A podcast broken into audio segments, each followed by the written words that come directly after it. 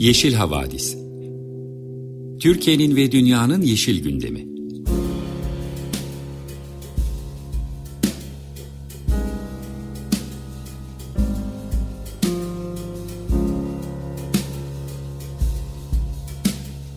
Hazırlayan ve sunanlar Selin Uğurtaş ve Arca Yılmaz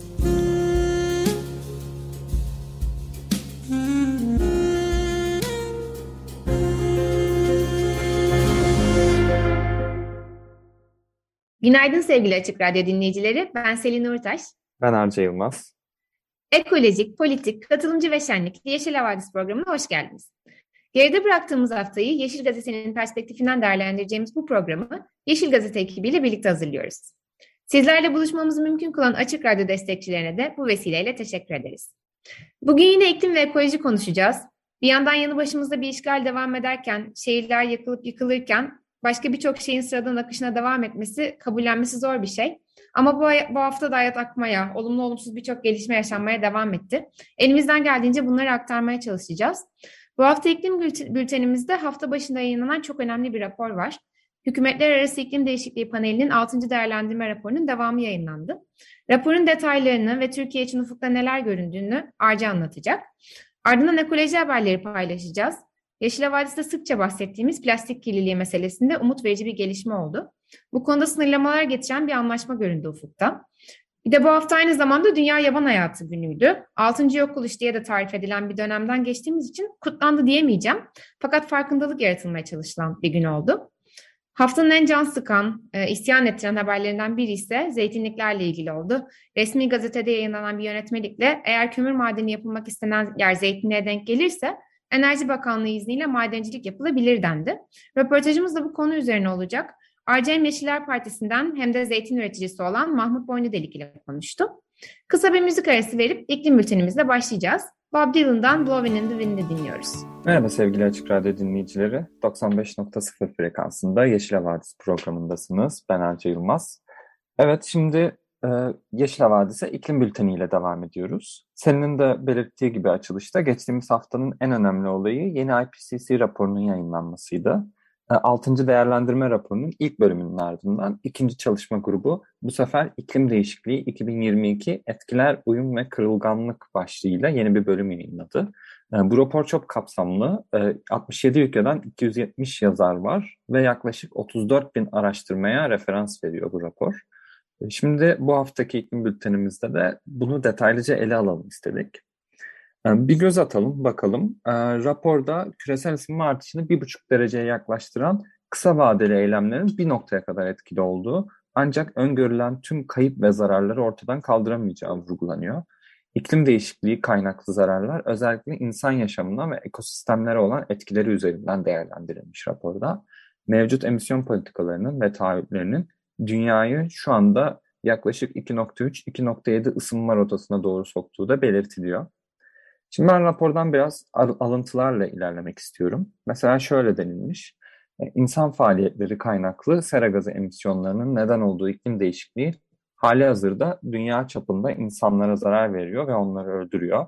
Gıda üretimine zarar veriyor, doğayı yok ediyor ve ekonomik büyümeyi yavaşlatıyor.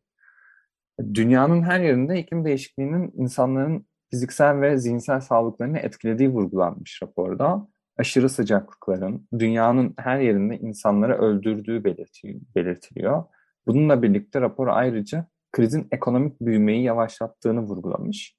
Tabi burada belki de büyüme odaklı ekonomiden artık kopmam, kopmamızın zamanının geldiğini de düşünmemiz gerekiyor sanırım. Hani raporda da hala bir e, büyüme e, vurgusu var. Büyümenin yavaşladığı, yavaşladığı vurgusu var en azından.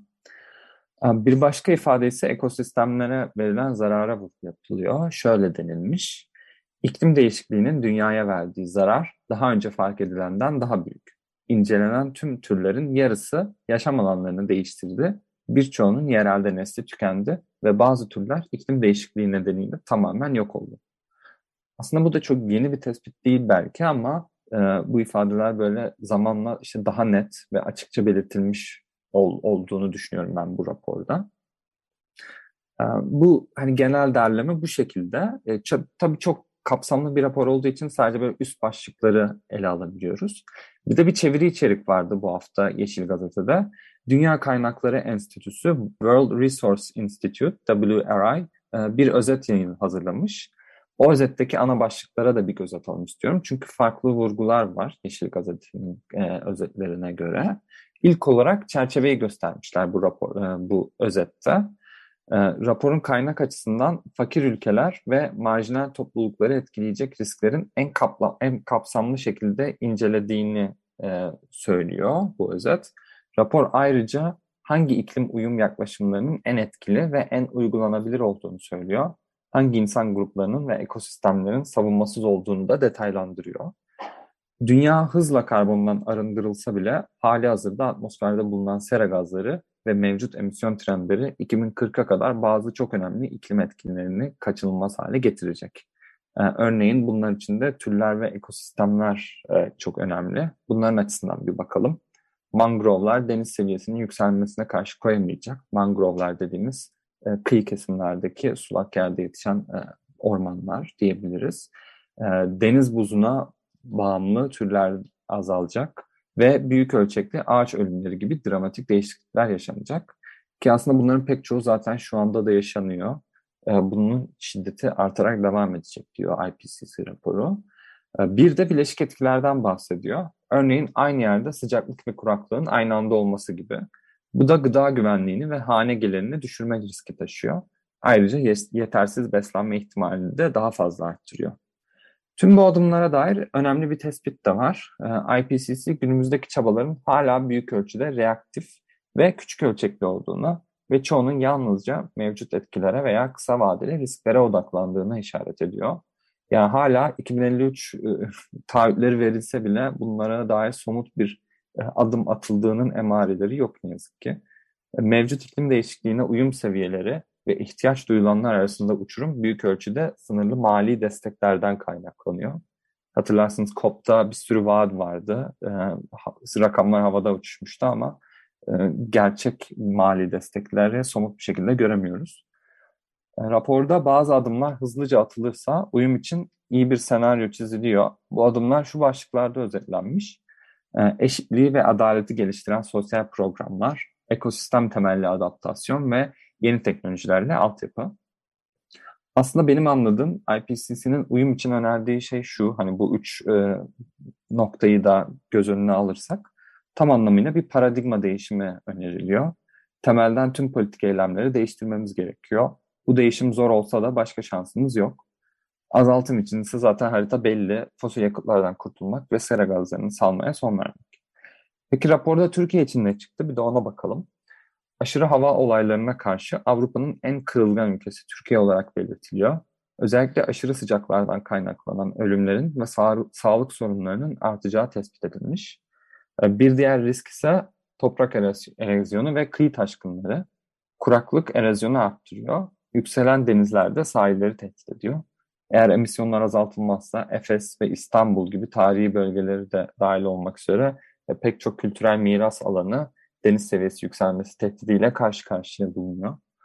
Ee, bazı haber sitelerine de yansıdı. Başka bir e, kuraklık etkili sonuç da var. Kuraklık yüzünden Beyşehir Gölü 2070 yılında tamamen kuruyabilir. E, raporda İstanbul'da ayrıca kırılgan olarak tespit edilmiş. Bunun büyük ihtimal e, hem nüfus hem e, kent yapısından kaynaklandığını söyleyebiliriz. Tabii bir de ekonomi boyutuna bakılmış. Emisyonların yüksek seviyede gerçekleştiği durumda 100 yılın sonuna kadar Türkiye'nin kişi başına düşen gayri safi yurt içi milli hasıla %17 e, düşüş yaşayabilir. Bu şekilde öngörülmüş. Tabi bu saydıklarımız daha önceki tespitlerden bağımsız değil. Dünya ortalama 1.1 derece ısındı şu anda zaten. Akdeniz'de 1.5 derece ısınmış durumda. Bizim bulunduğumuz coğrafya iklim krizinin etkilerini e, ortalamadan daha şiddetli yaşayan bir coğrafya. Bunu da göz önünde bulundurmamız gerekiyor. Evet, bugün uzun uzun IPCC raporundan bahsettik. E, acil harekete geçilmesi gerekse, e, acil harekete geçilmesi gerekse de hükümetlerin ne kadar zayıf adımlar attığını görüyoruz aslında. E, bir tane araştırma var, envanter çalışması, Nature dergisinde yayınlanmış. E, buna göre G20 ülkelerinde pandemi sonrası ekonomik teşviklerin sadece %6'sı emisyonları azaltacak yatırımlara ayrılmış. Buna karşın verilen teşviklerin %3'ü kömürü sübvanse etmek için kullanılmış. Yani o onu götürüyorsa %3 bile diyebiliriz yani bu çok düşük bir rakam. Burada aslında pandemi sonrası yeşil toparlanma fırsatının da kaçtığını söyleyebiliriz belki.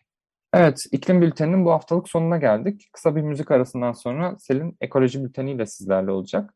Şimdi bir klasik şarkı dinleyelim. Bu hafta Bob Dylan haftası oldu bizim için. Şimdi Bob Dylan'dan Like a Rolling Stone geliyor. Tekrar merhaba.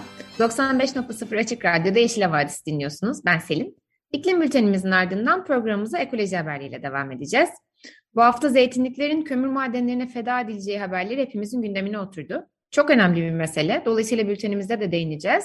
Ancak bu hafta röportajımız da bu konu üzerine olacağı için en son bahsedeceğim bu meseleden. Önce bu karanlık günlerde epey ihtiyaç duyduğumuz iyi bir haberle başlayalım. Kenya'nın başkenti Nairobi'de düzenlenen Birleşmiş Milletler Çevre Asamblesi'nin 3. gününde tarihi bir karar onaylandı. 150'den fazla katılımcı ülke plastik kirliliğini sona erdirmeyi amaçlayan bir çerçeve anlaşmayı 2024 yılı sonuna kadar tamamlamak için anlaştılar. Birleşmiş Milletler yetkilileri bu anlaşmayı 2015'teki Paris İklim Anlaşması'ndan bu yana en yeşil anlaşma olarak tarif ettiler. Ve anlaşmanın plastiğin tüm yaşam döngüsünü düzenleyeceği belirtilmiş ki burası oldukça önemli. Yalnızca tüketime ve geri dönüşme değil, üretime de kısıtlamalar getirilmesinin elzem olduğunu söylüyordu zaten uzmanlar. E, bu tarafta havada kalmayacak gibi görünüyor. Şimdi anlaşmanın detaylarını ortaya çıkarmak için e, hükümetler arası bir müzakere komisyonu oluşturulacak. Burası da büyük ihtimalle dananın kuyruğunu kopacağı yer olacak. Çünkü bağlayıcı kurallardan ve detaylardan konuşulmaya başlanacak. Tabii dediğim gibi en kritik konunun da bu üretimi sınırlandırma meselesi olacağı tahmin ediliyor. Uluslararası Çevre Hukuku Merkezi Avukatı David Azulay da milyon dolarlık soru sıfırdan plastik üretimini azaltmak hakkında ne kadar konuşacağımızdır demiş. Peki bu anlaşmayla plastik üretimi ve kullanımına kısıtlama getirilirse kimler etkilenecek? Başta tabii ham plastik üreten petrol ve kimya şirketleri var. Sonra da ürünlerini tek kullanımlık ambalajlarda satan büyük şirketler var. Bu mesele Türkiye'de hala yeterince dikkat çekmiyor. Hatırlarsanız bir süre önce tek kullanımlık konfor diye bir mağaza bile açılmıştı. Bir yandan insanlar tüketimimi nasıl daha sürdürülebilir hale getiririm, nasıl azaltırım diye kafa yorarken Gündemden bu kadar kopuk olabilmek fıkra gibi ama değil. Plastik Sanayiciler Vakıflarından PAGEV'in sitesinde hala detaylı bir duyurusu var bu sözde lüks mağazanın. Türkiye'nin plastik üretimi de oldukça fazla olduğu için e, ve tüketimi konusunda yeterince farkındalık bulunmadığı için e, bu değişmeyle belki bir bu gelişmeyle belki bir değişim başlar diye biraz umutlandım ben açıkçası. Umarım daha fazla zaman kaybetmeden gerekli adımlar atılır. Bir sonraki haberimize geçelim. E, bu hafta aynı zamanda 3 Mart Dünya Yaban Hayatı Günü'nü kutladık veya hatırladık. E, bu vesileyle farkındalık yaratma, yaratılmaya çalışıldı sosyal medyada. Peki yaban hayatında son durum ne? Dünya Yaban Hayatı Günü 2013'ten bu yana kutlanıyor ve bu seneki teması ekosistemin yenilenmesi için kilit türleri iyileştirmek olarak belirlenmiş. Dünya çapında kritik düzeyde nesli tükenmekte olan bitki ve hayvanlara dikkat çekilmesi planlanmış. Biyolojik çeşitlilik ve ekosistem hizmetleri konulu Hükümetler Arası Bilim Politika Platformu'nun son raporuna göre yaklaşık 1 milyon hayvan ve bitki türünün nesli tükenme tehdidi altında. Ve bunların birçoğunun da maalesef önümüzdeki 10 yıl gibi çok kısa bir zaman zarfında gerçekleşeceği tahmin ediliyor. Bu neden oluyor derseniz en büyük nedeni biz insanların sebep olduğu tahribat. Özellikle türümüzün nüfusunun ikiye katlandığı son 50 yıllık zaman dilimindeki tahribat tarih süresince benzersiz olarak tanımlanmış. İklim krizinden bahsederken nüfus konusunu biraz konuyu dağıtmak gibi geliyor bana bazen. İşte yüksek gelir grubunun orantısız etkisini görünmez kılmak gibi hissediyorum. Ama biyoçeşitlilik krizinden konuşurken gerçekten nüfus artışı kilit önemde görünüyor. Ee, bilim insanları gelecek kitlesel yok oluşla birlikte 1 milyona yakın türün tarihten silinebileceği uyarısında bulunuyorlar. Bunun tersi yok mu peki? O da var. Çünkü bir yandan da nesli tükenme tehlikesi altındaki türleri koruma, popülasyonlarını artırma çabaları da devam ediyor. Tabii e, nispeten çok çok küçük bir oranda olduğunu vurgulamak lazım. WWF yani Doğal Hayatı Koruma Vakfı Türkiye nesli tükenme tehlikesi altında olsa dahi nüfusu artan vahşi hayvan türlerini paylaştı. Örneğin Sumatra adalarında birkaç senedir hız kazanan ekosistem restorasyon çabaları nedeniyle kaplanlardan Sumatra fillerine, e, Sunda pangolinlerinden Sunda leoparına kadar birçok ikonik tür koruma altına alındı. Kuzey Amerika'nın kara ayaklı gelincikleri, Güneybatı kara gergedanı, kambur balinalar ve dağ gorilleri nüfusu artan nadir türlerden birkaçı. E, ama dedik ya işte hayvanlar e, insanlığın sebep olduğu tahribattan kaçmakta gerçekten güçlük çekiyorlar ve özel önlemler alınmadığı zaman bu çok mümkün olamıyor. E, bunun hazin bir örneği şu an Ukrayna'da yaşanıyor. Kiev Hayvanat Bahçesi'ndeki hayvanlar maalesef tahliye edilemediler. 4000'e yakın hayvanın yaklaşık 10 günlük yiyeceği kaldığı haberleştirilmiş. Fillere ve bazı türlere de korkmamaları için sakinleştirildiği, sakinleştirici verildiği söylenmiş. Türkiye'de ise e, Gökova Körfezi'nde deniz çayırlarını korumak için bir proje başlatıldı. Deniz çayırları karbon depolama kapasitesi en yüksek bitkilerden biri. Akdeniz özgü bir bitki. Maalesef hem teknelerin çapa atması ve taraması nedeniyle tehlike altındalar hem de iklim kriziyle birlikte ne şekilde etkilenecekleri çok net bilinmiyor. Belki hatırlarsınız COP26'da Türkiye'den bilim insanları deniz çayırları üzerine sunum yapmışlardı. İklim krizi için önemli olan bu bitkiye dikkat çekmişlerdi. Şimdi de Akdeniz Koruma Derneği Çevre, Şehircilik ve İklim Değişikliği Bakanlığı ile işbirliği içinde bir çalışma başlatmış. Projenin ismi Güneybatı Kıyıları Denizel Ekosistem Restorasyonu. Projede hem tekne çapalarından kaynaklanan tehlikenin boyutu hem de deniz çayırlarının iklim değişikliğine ne kadar dayanıklı olduğu araştırılacak.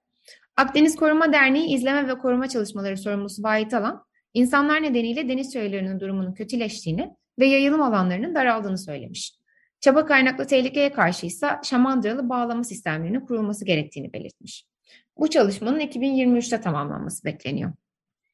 Evet, bültenimizin sonuna yaklaşırken de e, bitmeyen çilemiz kömüre dair birkaç haber vereceğim.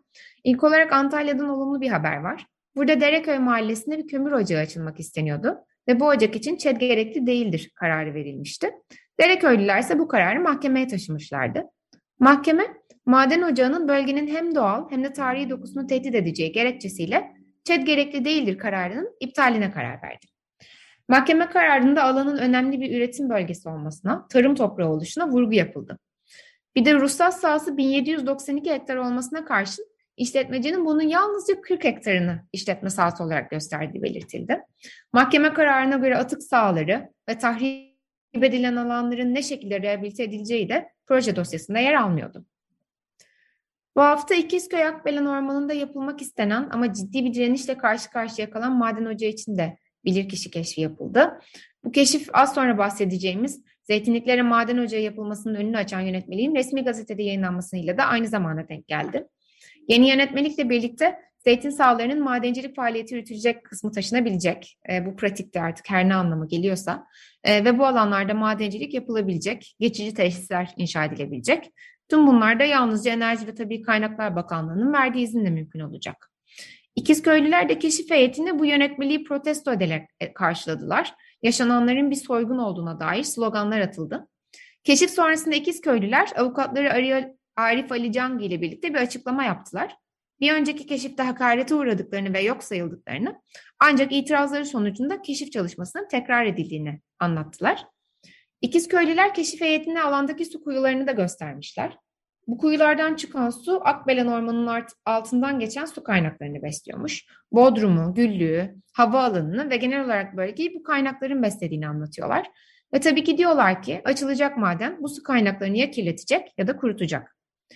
Cang'ı yönetmelik değişikliği ilgili de konuştu. Açıklamasını aynen aktarıyorum. Sanki bizim keşfimizi bekler gibi ya da keşfimize müdahale edercesine böyle bir yönetmelik değişikliği oldu. Ancak sabahtan beri Akbelen Ormanı için adalet, zeytin için adalet sloganları çınlıyor burada.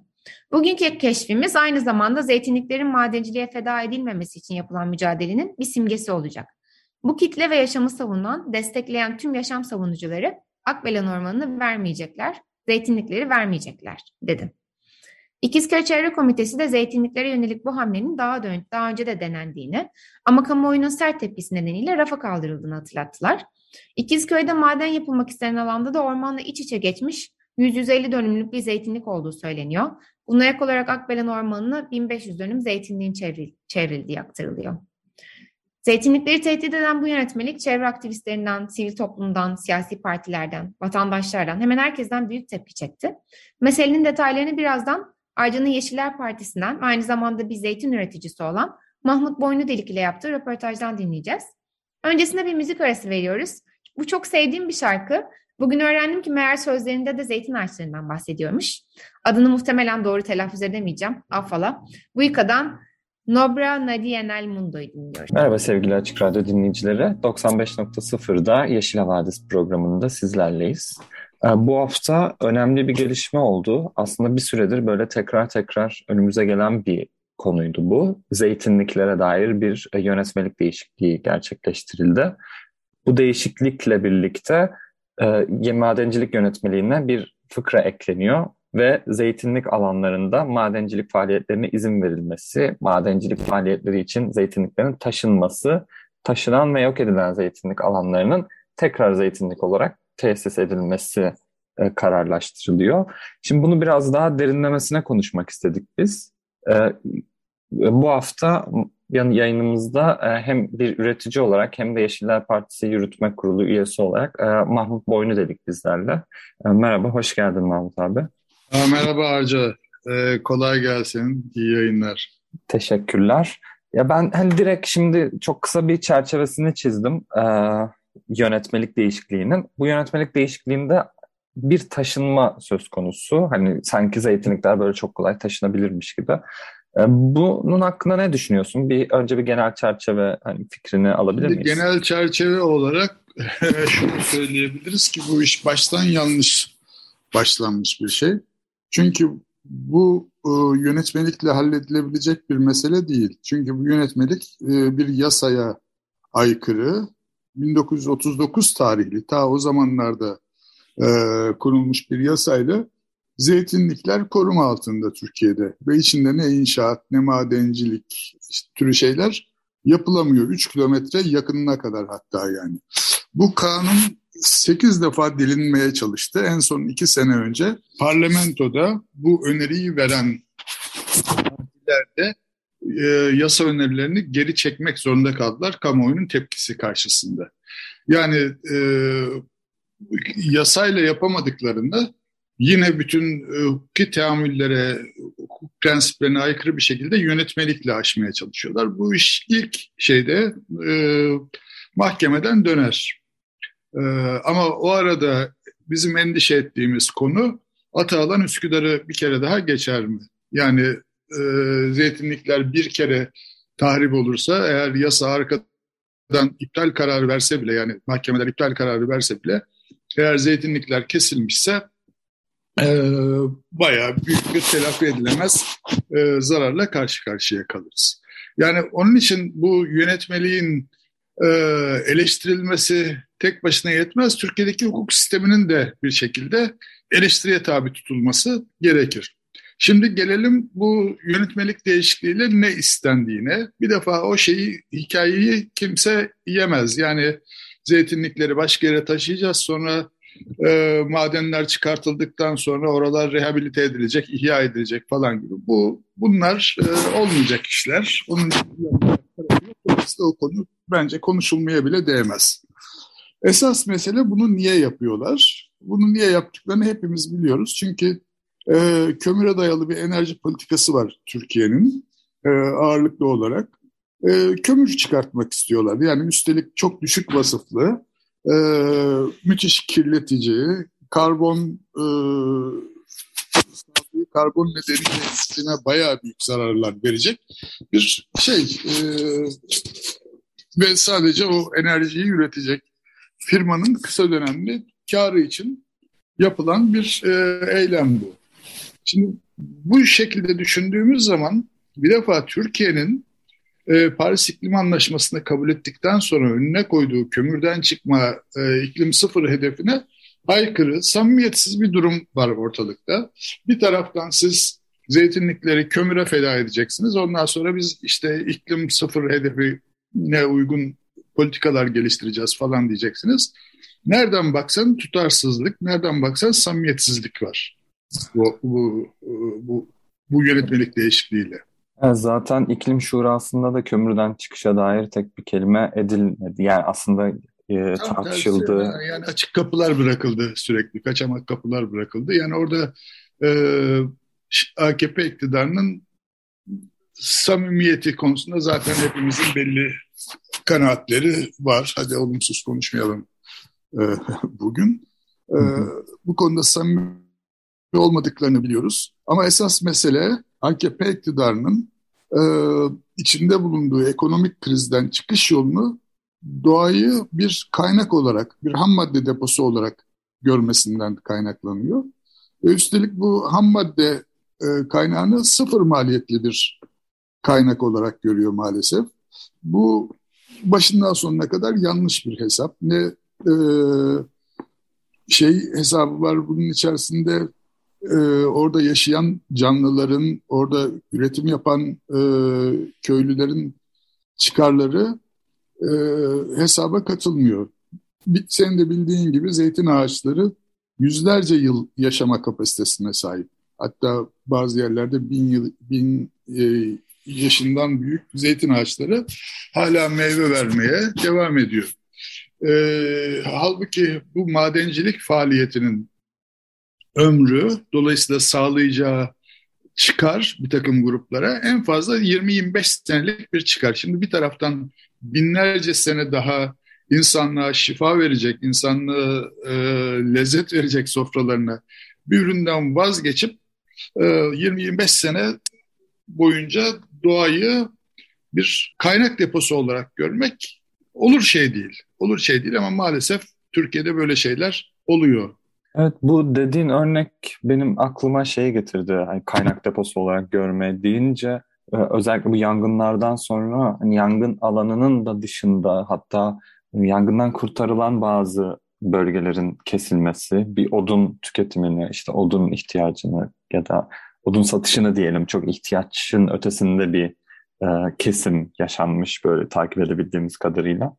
E, yani bu da ya ormancıların da uzun süredir uyardığı ve dikkat çekmek istediği şeylerden biri. Yani aşırı orman faaliyetleri, orman alanlarının yok edilmesi, hem madenciliğe hem işte kereste üretimine aktarılması e, ciddi bir sorun. Yani bu işte biraz da herhalde neoliberal politikalarla da çok şiddetlenince böyle bir sonuç oluyor ve yasa düzenlemeleri üzerine yasa düzenlemeleri yok sayılıyor ya da işte mevzuatlarla e, yönetmeliklerle. Bypass ediliyor, bir şekilde aşılıyor.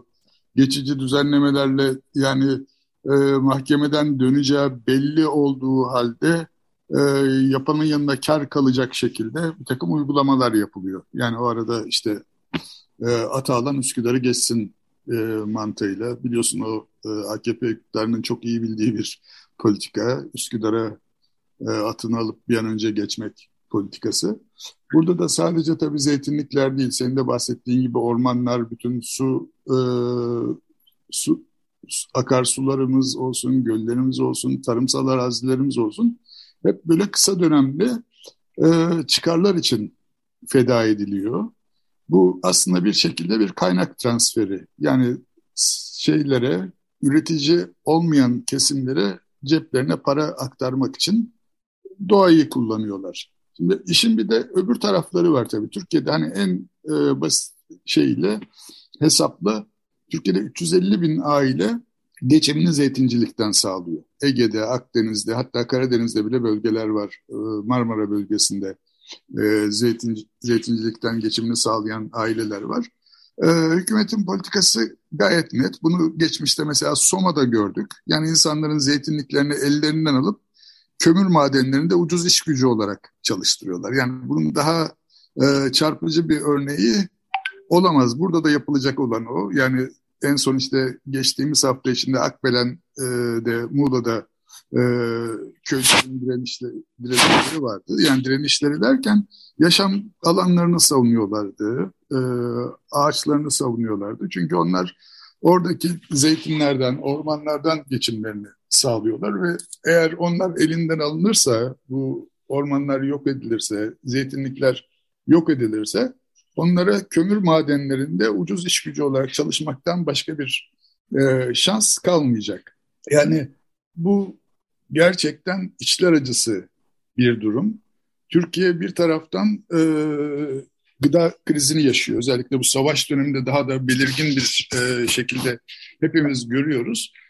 Dışa bağımlı olmanın, gıdada dışa bağımlı olmanın ne kadar tehlike arz ettiğini, yani biz e, gençken e, herhalde sizde de öyle bir şey vardı. Türkiye gıdada kendine yeterli yedi ülkeden biridir falan diye. Evet, buğday deposu gibi şeyler. Şu anda öğrendik ki Ya biz e, Rusya ve Ukrayna olmasa buğdaysız kalacağız, ekmeksiz kalacağız. Eğer e, Ukrayna'da savaş devam ederse bu şekilde e, ayçiçek yağımız olmayacak. E, ve bunlara biz e, geçen de bir yerde okudum. Ayçiçek ithalatında Avrupa, dünyanın en büyük e, ithalatçılarından bir tanesiymişiz ve tahmin ediyorum 1 milyar dolara yakın her sene bir şeyimiz var. E, ayçiçek yağı için e, yurt dışına ödediğimiz para var. E, hükümet bir taraftan dış ticaret açığını kapatmaya, azaltmaya çalışıyor. Bir taraftan da tarıma e, öldürerek bağımlılığı daha da arttırıyor. Şimdi eğer biz zeytinlerimizi de yok edeceksek, zeytinliklerimizi de yok edeceksek, e, bağımlılığımız da artacak demektir. Yani yakında e, zeytinyağını da ithal etmeye başlarsak e, hiç şaşırtıcı olmayacak. Evet, bir de yani hani sen de laf arasında bahsetmiştin bence o da önemli. Hani e, iklim krizi çağında adil geçişten bahsediyoruz. E, yeşil işlerin yaratılmasından bahsediyoruz ama e, şu anda uygulanmak istenen bunun hani tam tersi. Üreticilerin, tarımda çalışanların, çiftçilerin e, kömür endüstrisine e, zorlanması bir nevi, başka seçenek bırakılmaması. Bu Akbelen'de işte Yırca Soma'da yaşanan durum sanırım bunun özeti biraz da. Evet, e, maalesef böyle. E, bu hep kısa vadeli ve e, sadece şirketlerin çıkarlarını gözeten politikaların sonucu. Oysa biz uzun e, dönemde baktığımız zaman e, kömürler tükenecek ama zeytinler tükenmeyecek. Biz ve bizim e, şeyin alternatifi var. Kömürün alternatifi var. Yani biz e, oralara aktardığımız kaynakları, mali kaynakları yenilenebilir enerjilere e, aktarabilsek, onun da tabii usulüne uygun bir şekilde onları da oturup hani zeytinliklerin içine e, yapılması da çok yanlış tabii ki. Onun da mutlaka eleştirilmesi gerekiyor. Ama demek istediğim e, biz yenilenebilir enerji kaynaklarına e, yatırım yaparsak, işte tarımı desteklersek, küçük üreticilerin e, bir şekilde hayatta kalmalarını desteklersek, her bakımdan e, dışa bağımlılığı e, minimuma indirgemiş oluruz. Ve bu politikaları maalesef hiç e, idrak edenleri de ortalıkta göremiyoruz.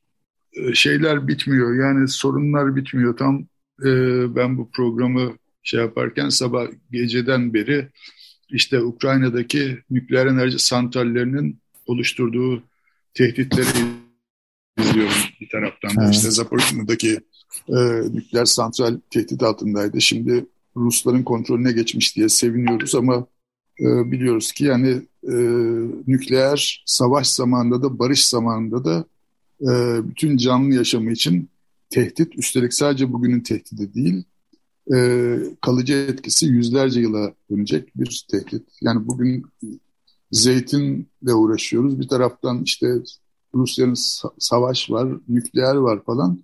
E, pek e, parlak, pek güzel günlerden geçtiğimiz söylenemez. Evet. Ama biz zeytinliklerimize savunmaya devam edeceğiz. Ee, programın başında söylemiştim. 8 defa bu yasa meclisten geri döndü. Ee, daha 18 kere daha getirseler 18'ine de geri dönecek. Çünkü halk artık bunun ne kadar önemli olduğunu e, kömürün yenileme yenil yenilme yen, yenilme şansı olmadığı gördük. Bu da Türkçenin garip bir şeyi tabii yenilme, yenme, yenilme karıştığı evet. şey. tamam Arca çok teşekkür ederim ee, bu fırsatı verdiğin ve bu konuyu gündeme getirdiğin için. Çok teşekkürler Mahmut abi. Bu hafta yönetmelik değişikliğini konuştuk zeytinlere dair yapılan. Ee, konuğumuz Yeşiller Partisi Yürütme Kurulu üyesi ve aynı zamanda bir zeytin üreticisi olan Mahmut Boy, Boynu Delik'ti. Şimdi bir e, şarkı arası verelim. Ahmet Ali Aslan'dan Zeytinyağı şarkısını dinleyelim madem. E, ondan sonra programda sizlerle olacağız. Tekrar merhaba. 95.0 Açık Radyo'da Yeşil Vadisi dinliyorsunuz. Ben Selin. Programımızı iki duyuruyla tamamlayacağız. İlk yaklaşa, yaklaşan 8 Mart Dünya Kadınlar Günü'ne dair Biliyorsunuz 19 senedir 8 Mart'ta Feminist Gece Yürüyüşü düzenleniyor. Maalesef son yıllarda hem yasaklar hem de polisin sert müdahaleleri altında gerçekleşiyor yürüyüş. Kadına şiddetin bunca arttığı ve bu şiddetin yasal düzenlemeler eliyle giderek daha da cezasız kaldığı bu günlerde kadınlar bir dayanışma çağrısı yayınladılar. Soruları şu, geliyor musun? Yayınlanan çağrı videosunda kadınlar mahkum edilmek istendikleri evin sınırlarından çıkarak birlik oluyorlar. Ve bu sene gece yürüyüşünün 20. yılı olması açısından da önemli. Kadınlar 19.30'da Taksim'de bir araya gelecekler. Fransız Kültür Merkezi önünden başlayan yürüyüş İstiklal Caddesi boyunca sürecek. Bir diğer duyurumuz ise bu hafta sonu için. Barın ve Prens Adaları'nın simgesi mimozaları korumak için düzenlenen Mimofest bugün ve yarın Büyükada'da gerçekleşecek. Etkinlik Adalar Müzesi tarafından düzenlenecek. Mimoza yetiştirme, adaların çiçekçilik geçmişi, mimozanın adalar tarihindeki önem, önemi gibi çeşitli konularda oturumlar yapılacak. Programda değişik aktiviteler de var. Örneğin bahçe tarihçisi Gülsen Ergil'in rehberliğinde bir mimoza turu yapılacak. Fethi Okyar evi ve korusu ziyaret edilecek. Mimoza kapı çelengi ve baskı atölyeleri düzenlenecek. Ayrıca Büyükada Rum Yetimhanesi bahçesinde ayrılan bir alanda mimoza dikim etkinliği yapılacak. Anavatın Avustralya ve Tanzanya olan mimozaların 1800'lerde İngiliz bir lord tarafından adalara taşındığı rivayet ediliyor. Maalesef özellikle geçtiğimiz 30 yılda artan taleple birlikte o kadar ölçüsüzce kesiliyorlar ki adalılar yok, yok olacaklarından endişe ederek Mimo Fest'i düzenlemeye başladılar. Bu önemli etkinliği de böylece duyurmuş olalım. Şimdi son bir müzik arası veriyoruz. Ardından sizlere veda edeceğiz. The Cranberries'den Zombie'yi dinliyoruz. Böylelikle 95.0 Açık Radyo'da Yeşil Gazete'nin katkılarıyla hazırladığımız Yeşil Havadis programının sonuna geliyoruz. Bizi dinlediğiniz için çok teşekkür ederiz. Haftaya yine aynı saatte görüşmek üzere. Hoşçakalın. Hoşçakalın.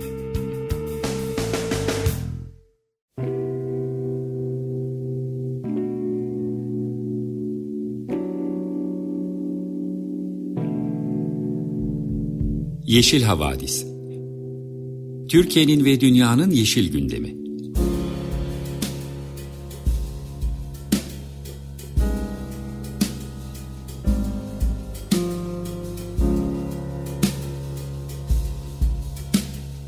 Hazırlayan ve sunanlar Selin Uğurtaş ve Arca Yılmaz.